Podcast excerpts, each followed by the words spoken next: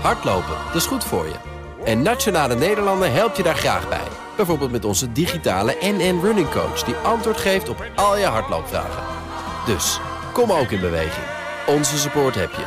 Kijk op nn.nl slash hardlopen. De BNR Techniek Tour wordt mede mogelijk gemaakt door Techniek Nederland. De makers van morgen. In deze aflevering van de Zomer Tour de Techniek. Geen rotzooi in de berm, hartstikke zonde... want als je je afval goed verwerkt... kun je vrijwel alles hergebruiken. BNR Nieuwsradio. De Techniek Tour. Carlijn Meinders. Per jaar produceert de gemiddelde Nederlander zo'n 500 kilo afval. Dat komt natuurlijk voor het overgrote deel terecht bij afvalverwerkingsbedrijven, waar ze er grondstoffen en energie uithalen. Hoe ze dat precies doen en waar voor hun de uitdagingen liggen, dat hoor je in deze uitzending. Ik begin dit keer in Drenthe, waar ik op bezoek ben bij milieubedrijf Atero.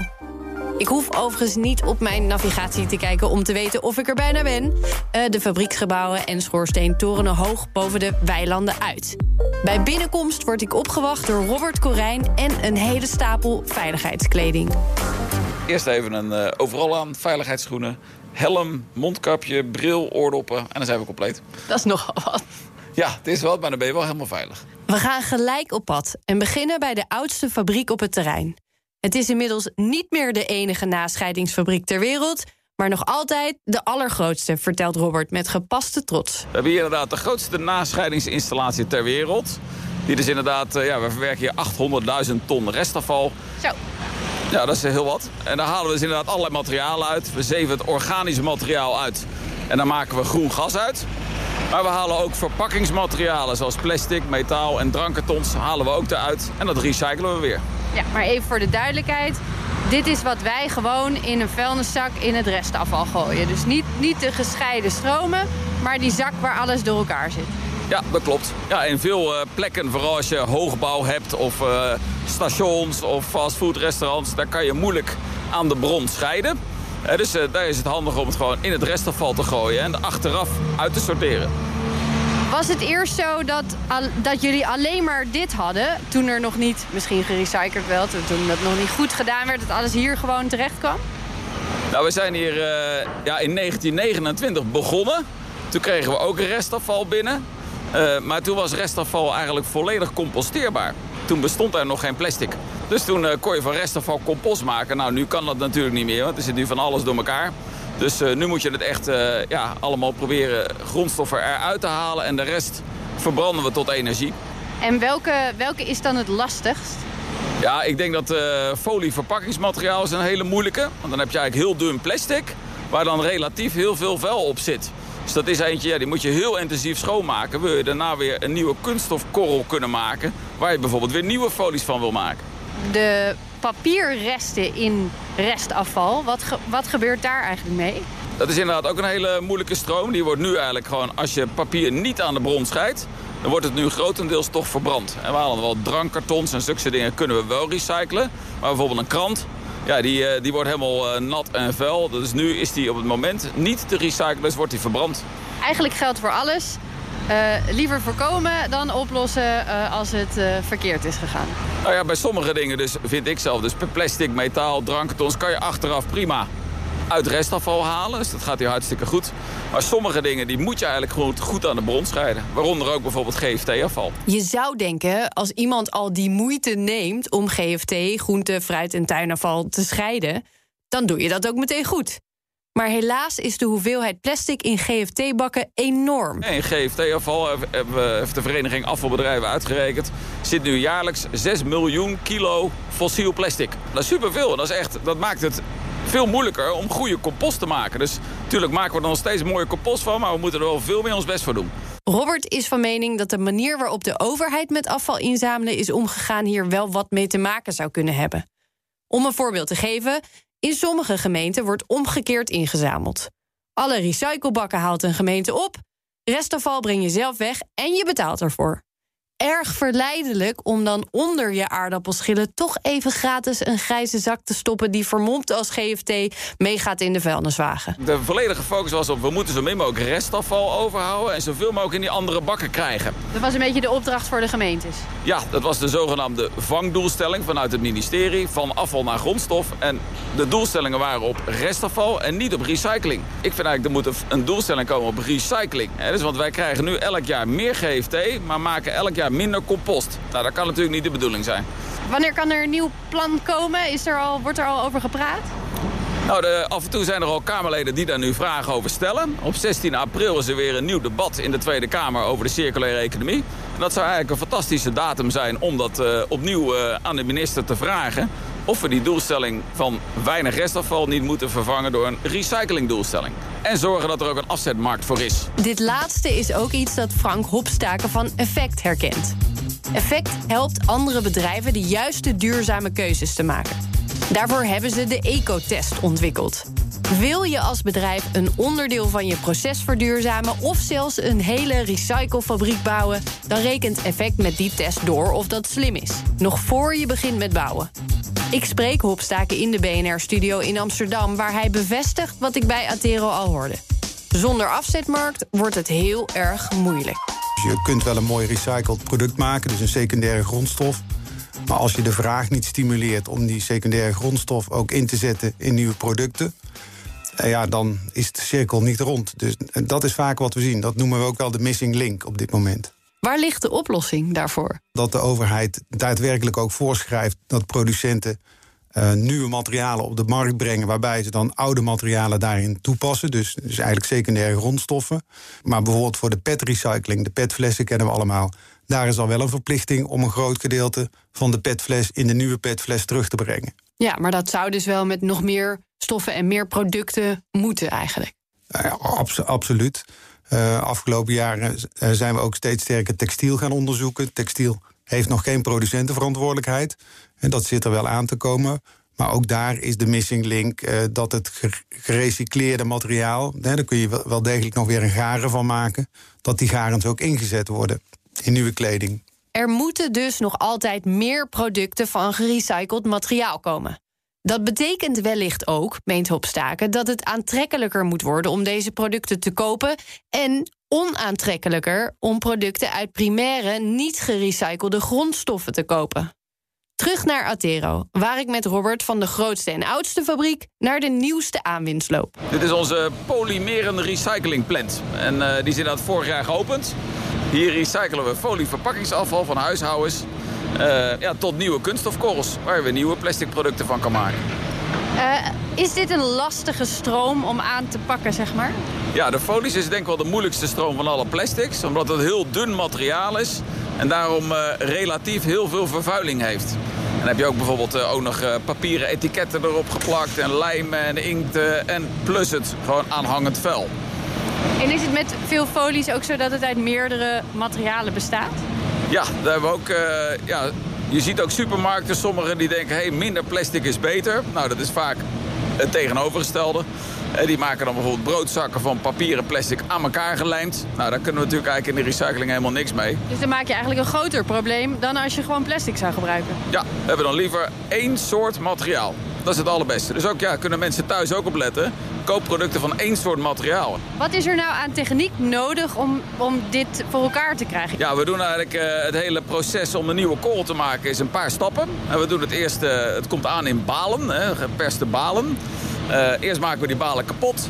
Vervolgens verkleinen we het in snippertjes. Dan doen we het koud wassen, zodat het zand en zulke dingen eraf zijn. Dan doen we het verder verkleinen tot nog kleinere snippertjes. Dan doen we het heet wassen. En met dat heet wassen maken we weer gebruik van warmte van onze afvalenergiecentrale. En we voegen zeep toe, zodat het een hele schone snipper wordt. En daarna is die schoon genoeg om weer omgesmolten te worden. In een zogenaamde extruder heet dat. Dan perst die de, de snippertjes door hele kleine gaatjes. Zodat alle andere materialen ook daaruit gefilterd worden. En dat je weer een, eh, een nieuwe korrel kan maken. En die korrels gaan dan naar? Ja, naar allerlei industrieën. We willen uiteindelijk heel veel in de, het foliesegment weer toepassen. dus we werken ook samen om bijvoorbeeld een compostzak te maken eruit. Uh, maar dan gaan ook gewoon naar buizen, emmers, naar allerlei nieuwe plastic producten. Die moeten we dan natuurlijk wel kopen met z'n allen. Ja, als je nu kijkt naar alle producten in Europa... er is maar 6% gemaakt uit gerecycled plastic. Dus als we ja, bijvoorbeeld de doelstelling van 52% recycling van plastic verpakkingen willen halen... dan moet die vraag naar gerecyclede producten wel enorm nog gaan groeien. En als we dus 52% de recyclinginstallatie ingooien... maar mensen kopen maar 6% gerecycled plastic... ja, waar moet de rest dan heen? Dat wordt dan weer verbrand waarschijnlijk. Nee, dat niet, want dan mogen we het geen recycling noemen. Maar dan gaat het dus nu ook nog veel naar het buitenland. En dat is hartstikke zonde natuurlijk. De Techniek Tour. Er zijn overigens gerecyclede producten waarnaar de vraag alleen maar blijft groeien. Eén daarvan is aluminium. Om te kijken hoe je zoiets verwerkt, ga ik langs bij aluminiumbedrijf Hydro.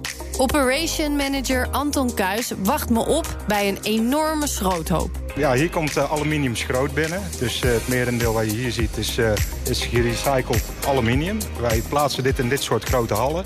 En dan wordt dit uh, omgesmolten uh, tot een uh, aluminium massieve paal, hè, zoals we dat dan plat zeggen. Vervolgens wordt die in stukken gezaagd, die paal, en onder hoge druk en hoge temperaturen door een, een werktuig geperst. Een matrijs noemen wij zo'n werktuig. En ja, daar maken wij echt hele mooie producten mee. Inmiddels is collega Willem Schellekes ook aangehaakt. Wat ligt hier eigenlijk allemaal tussen, vraag ik hem. Als je verderop kijkt zie je aluminiumvelgen liggen. Uh, je ziet hier aluminium profielen uit de bouw liggen. Uh, dus een heel uh, divers scala. Waar vinden we het nog meer in? Misschien dingen waar mensen niet zo snel aan denken. Velgen dus? Ja, autovelgen, maar raamkozijnen. ja, noem maar op, fietsen. het zit overal in. Ladders? Ladders. In Drunen smelten we maar liefst bijna 50.000 ton aluminium. En daarvan ja, wordt alles aangevoerd. En ik denk dat ongeveer 45.000 ton gerecycled wordt. Dus dat... dat kopen we overal vandaan. Dat testen we, zodat we het in de oven kunnen recyclen. Ja, het is niet zo dat jullie uh, zelf hier stapels aan het maken zijn. Oh het wordt hier naartoe gebracht. hey, we hebben een gast in de uitzending. Wat ik doe, ik controleer alles wat binnenkomt hier. Op kwaliteit? Op kwaliteit, op gevraagde legering. En hoe controleer je dat? Uh, ik loop rond met een... Uh, een handpistool, een handmatige uh, zeg is. Een, een spectrometer inderdaad. Even netjes controleren en dan moet ik een inschatting maken op 20 ton uh, of het goed is of niet. En wat vertelt zo'n spectrometer dan? Zal ik hem laten zien? Dat is ja, laat maar zien, ja.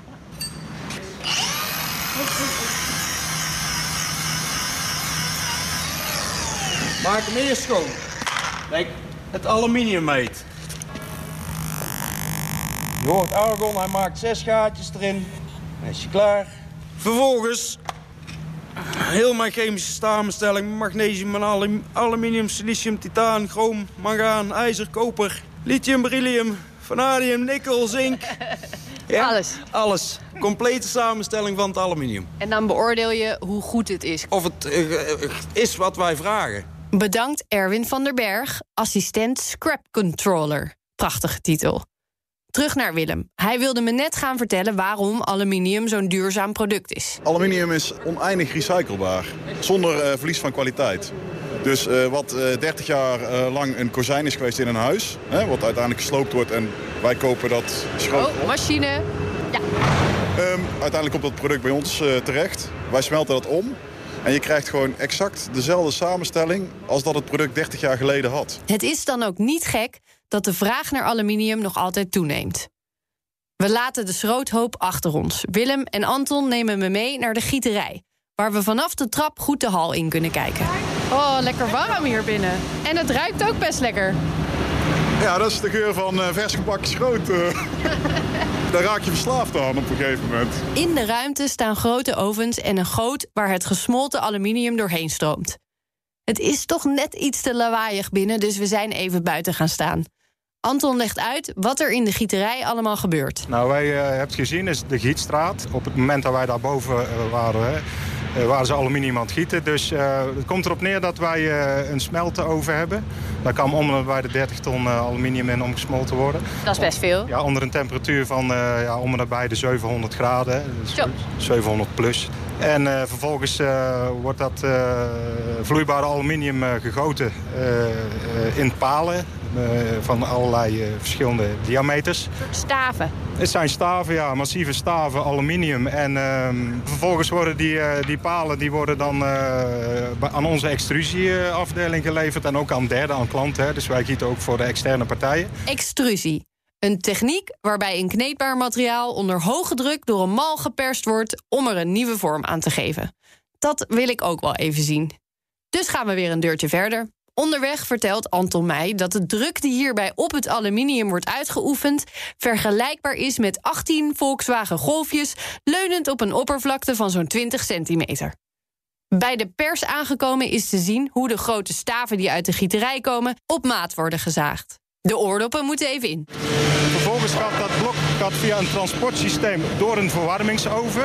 En daar wordt het blok aluminium opgewarmd tussen de 410 en we kunnen tot 520 graden gaan. Wordt het weer zacht?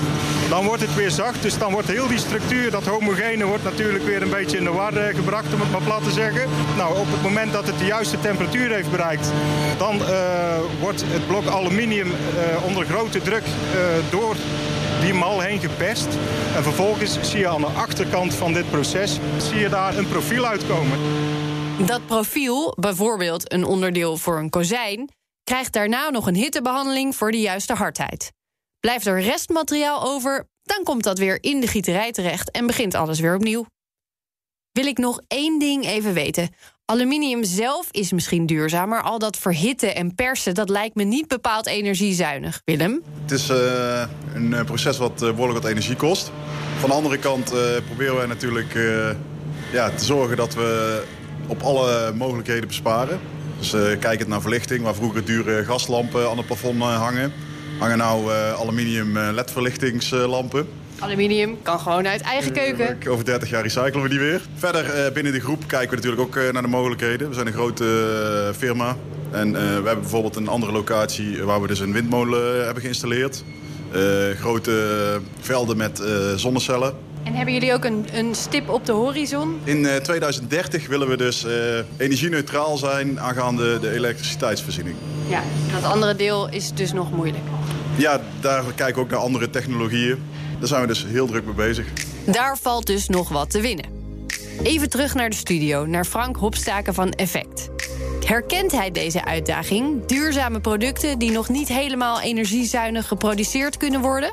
Ja, dat is de belangrijkste uitdaging feitelijk. Om de recyclingtechniek zo te kiezen, of zo te ontwikkelen, of zo te gaan speuren dat je die met een hele lage footprint kunt doen. Aluminium is een, uh, natuurlijk een fantastisch voorbeeld voor recycling. Je kunt van oud aluminium weer prima nieuw aluminium maken. Dus dat is met metalen hebben dat grote voordeel. En dat is ook een klein beetje met glas. Dat je van glas, oud glas ook weer nieuw glas kunt maken.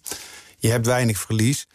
En aluminium kost heel veel om als erts om te zetten in aluminium. Dus je hebt eigenlijk een groot CO2-deficiet... wat je kunt gebruiken in je recyclingoplossing. Dus ook al stop je er veel energie in, wat je dan uh, gezien hebt... dan nog kom je veel efficiënter uit. Oké, het voordeel lijkt voor aluminium dus vooralsnog groter dan het nadeel. Terug naar milieubedrijf Atero in Drenthe. Daar begonnen we bij de hal waar restafval wordt verwerkt. En nu loop ik met Robert naar de hal waar het afval terechtkomt dat we thuis wel scheiden. De mondkapjes moeten daarvoor wel even op. Ja, dit is dus de loshal van uh, gescheiden ingezameld verpakkingsafval. Dat is de zogenaamde PMD-zak. Plastic. Plastic, metaal en drankkartons. Dus uh, nou, heel veel burgers die doen daar ook heel enthousiast aan mee. Dus dat is hartstikke goed. Ja, alleen wij zouden het nog heel mooi vinden als de kwaliteit nog iets beter werd. We zien een hele grote fotolijst van ongeveer een meter. We zien uh, een stofzuigerslang. We zien, oh ja, daar ja. Lange lappen folies. Uh, ja, zulke soort dingen dat, ja, dat verstoren eigenlijk het, het sorteerproces. Sommige gemeentes kiezen er zelfs voor om plastic straks gewoon weer als restafval te rekenen. Onder andere omdat de techniek steeds beter wordt in de afvalverwerkingsfabriek. Maar ook omdat we er misschien thuis toch niet zo heel erg goed in zijn. Ondertussen begin ik zelf een beetje naar afval te ruiken. En ook buiten, waar we gewoon zonder mondkapje kunnen rondlopen, is het niet helemaal geurloos. Wat komt er eigenlijk precies uit die schoorsteen? We proberen natuurlijk alles zo goed mogelijk te zuiveren. Dus wij worden ook daar continu op gemonitord door de, door de provincie. En dat geldt voor wat er uit die schoorsteen komt, Bijvoorbeeld hè? uit de schoorsteen. Er wordt uh, ja, altijd gewoon gemonitord, ook online door de provincie, wat onze uitstoot is. En er zit ook ja, een paar honderd miljoen investeringen om de rook volledig schoon te krijgen. Ja, want, want er zit nog wel iets in, hè? Het is niet alleen maar stoom. Ja, er zit uh, in ieder geval minder in dan dat we nu uh, bijvoorbeeld uit 10 open haarden komt. Maar ja, uh, volledig stofjesvrij is het nooit. Maar dat wordt continu fulltime gemeten. Wordt die stoom ook nog op andere plekken weer gebruikt in het proces? Ja, want bij verbranden inderdaad, verbranden van afval maken wij dus stoom. Nou, daar doen we verschillende dingen mee. We gebruiken dus voor de hete wassing van onze folies voor de recycling. Maar we zetten het ook af aan buren. Dus we hebben ook een industriegebied ernaast liggen die onze warmte gebruikt. En daarnaast hebben we dus ook de overgebleven stoomwarmte. Die, daar voeden we een stoomturbine mee. Nou, die stoomturbine die, dat is een soort schoepenrad. Gaat heel hard uh, draaien. En die maakt uiteindelijk dus elektriciteit. En dan kunnen we heel veel huishoudens hier in de regio voorzien van elektriciteit. Gas? We proberen, produceren een kwart van al het groen gas in Nederland. En we produceren op deze locatie zelfs zoveel groen gas... dat het lokale gasnet er niet aankomt. Te veel? Te veel inderdaad. Dus we moesten zelfs afvakkelen. Dus dat is natuurlijk helemaal van de zotten. Uh, en, en dat heeft, uh, gelukkig hebben we daar GasUnie en Nexus... samen met Atero ook vorig jaar een hele mooie innovatie gerealiseerd... met een gasbooster. Wat is dat? Een gasbooster die brengt dus zeg maar het gas als wij te veel groen gas voor het lokale net produceren brengt hij automatisch uh, het op een hogere druk van 8 naar 40 bar. En daarmee kunnen we het, uh, ja, het hele land of uh, zelfs Poetin weer voorzien van groen gas. Kijk, dat is toch geweldig. Voor ik weer vertrek gaan we nog even naar de band waar het door ons gescheiden afval binnenkomt. Dat wordt gesorteerd met behulp van camera's en luchtstroompjes. Er is zelfs een band waar de zwarte kunststoffen apart eruit worden gepikt. Ja, normaal werk je met een nabij infraroodapparaat. Dan wordt er licht op de band geschenen.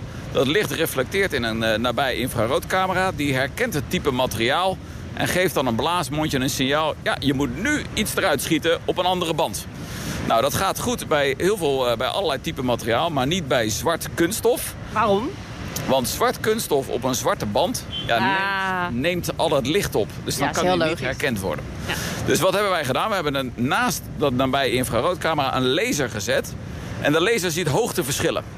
Dus en dan zegt de laser, zegt, hey, er ligt iets, want ik zie een hoogteverschil. Dan zegt de nabij infraroodcamera, maar ik zie niks. En dan zeggen ze samen, ah, dan moet het zwart zijn. En dan schieten ze het alsnog eruit. Hoe zit het precies met bio-afbreekbare materialen? Die worden nu steeds vaker gemaakt. Worden jullie daar blij van? Biologisch afbreekbaar ben ik er meestal niet zo'n voorstander van. Dat zou je niet denken. Nee, want dat klinkt natuurlijk heel sympathiek en heel veel mensen bedoelen daar ook goed bij. Uh, bioplastics aan zich zijn heel goed. Hè, dus er zijn ook bio-based producten die recyclebaar zijn. Zoals een bio-PE melkfles of een bio-PET cola fles. Dat zijn hele goede voorbeelden, want die kan je gewoon weer tot nieuwe PE en tot nieuwe PET recyclen. Maar composteerbare plastics, ja, dat heeft meestal geen milieuvoordeel. Want je zou denken, dat is toch gemaakt juist om wel milieuvoordeel op te leveren? Ja, er zijn ook voorbeelden waarbij dat absoluut zo is. Bijvoorbeeld een uh, GFT-inzamelzak voor in de keuken, die biologisch afbreekbaar is. Dat is een voorbeeld. Ja, dan krijg je meer compost door, dus dat is hartstikke goed. En er zijn ook bijvoorbeeld uh, als theezakjes van composteerbaar plastic zouden worden gemaakt... is dat ook goed en dan kan je meer compost van maken.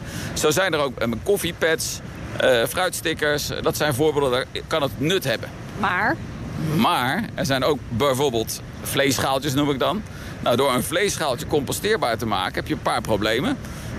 Sommige zijn niet composteerbaar, andere wel. Dus burgers raken thuis in de war. Ja, wat moet nou in welke bak? Kan ik me heel goed iets bij voorstellen. Daarnaast zijn die bakjes ook vaak ontworpen om in 12 weken te composteren. Terwijl wij composteren maar in Nederland vier weken. Dus uiteindelijk komt het na het composteringsproces... vaak komt zo'n bakje er helemaal niet afgebroken uit.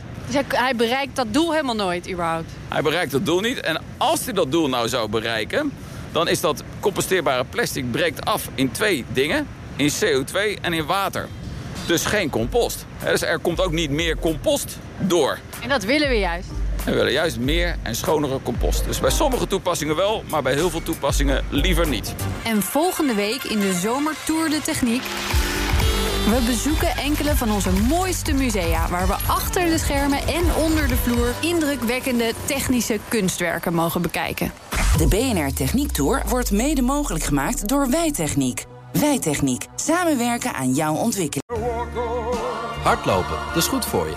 En Nationale Nederlanden helpt je daar graag bij. Bijvoorbeeld met onze digitale NN Running Coach... die antwoord geeft op al je hardloopvragen. Dus, kom ook in beweging. Onze support heb je.